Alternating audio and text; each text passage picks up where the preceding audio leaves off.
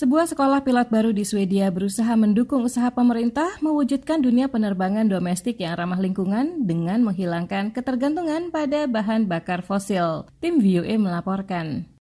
Green Flight Academy, sesuai namanya, bukanlah sekolah pilot biasa. Terletak di kota Skellefteå, Swedia Utara, sekolah yang baru memulai operasinya Mei 2022 ini berencana mengajarkan para siswanya belajar mengemudikan pesawat-pesawat listrik. Salah satu pesawat yang digunakan adalah Pipistrel kecil, pesawat berkursi dua dan bertenaga dua baterai, satu di hidung, yang lain di belakang kabin. Tenaga kedua baterai ini bisa terisi penuh hanya dalam waktu 30 menit dan memungkinkannya terbang selama sekitar 50 menit. Olof Haltdin, CEO Green Flight Flight Academy mengatakan pesawat listrik merupakan salah satu upaya sekolah itu mendukung ambisi pemerintah mewujudkan penerbangan domestik yang sepenuhnya bebas bahan bakar fosil pada tahun 2030. Many persons are interested in flying, uh, but they're also interested in the technology in flying.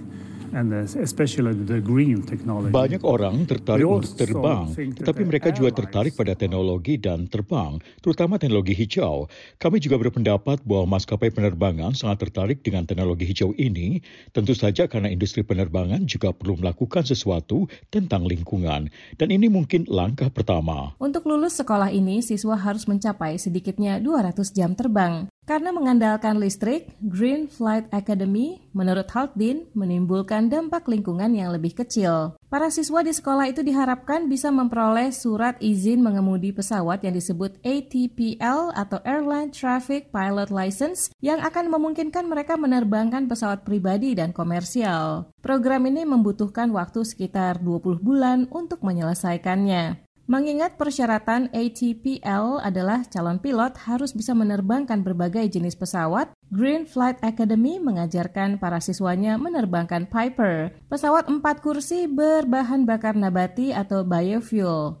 Para calon pilot itu juga harus belajar terbang menggunakan simulator penerbangan. Sekolah pilot baru ini adalah salah satu dari beberapa prakarsa ramah lingkungan di dalam dan sekitar kota Skellefteå yang sebagian didorong oleh kehadiran perusahaan rintisan baterai Northvolt. Kota itu mengoperasikan bandaranya dengan kebijakan ramah lingkungan, seperti menyediakan armada mobil listrik yang mengangkut penumpang ke pusat kota dan menggunakan sistem pemanas ruangan yang tidak berbahan bakar fosil. Namun, tidak semua pihak mendukung usaha Green Flight Academy. Apalagi para aktivis iklim di Swedia seperti Greta Thunberg semakin keras menyerukan imbauan untuk tidak terbang.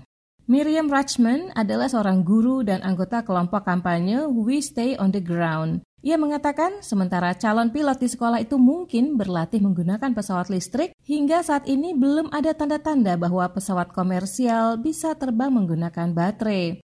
Salah satu tantangan besarnya, kata Rachman, adalah bobot sistem baterai untuk memungkinkan pesawat bisa mengudara. There are no large jumbo jets that are electrical.